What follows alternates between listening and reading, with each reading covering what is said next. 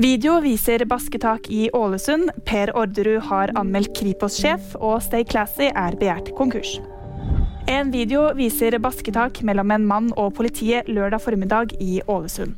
Politiet har opplyst at de bisto i et helseoppdrag før en mann i 30-årene omkom.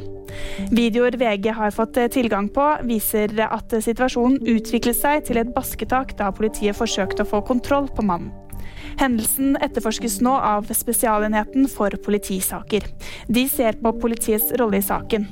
Dødsårsaken er ennå ikke klar. Mannen skal allerede ha vært skadet da han havnet i basketaket.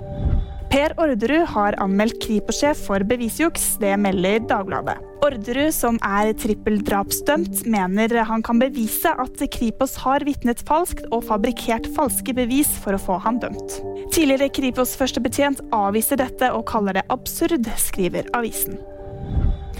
Nettbutikken Stay Classy begjæres konkurs av tidligere ansatte. Tingretten skal denne uken behandle to begjæringer. Nettbutikken la ned driften tidligere i januar etter å ha blitt bøtelagt av Forbrukertilsynet. Selskapet fikk 1,5 millioner i gebyrer, og daglig leder fikk 400 000 kroner. Nå mener også tidligere ansatte at de ikke har fått all lønn de har krav på, og derfor tatt saken til retten. Det var VG-nyhetene. Du fikk dem av meg, Jyri Friise Edland.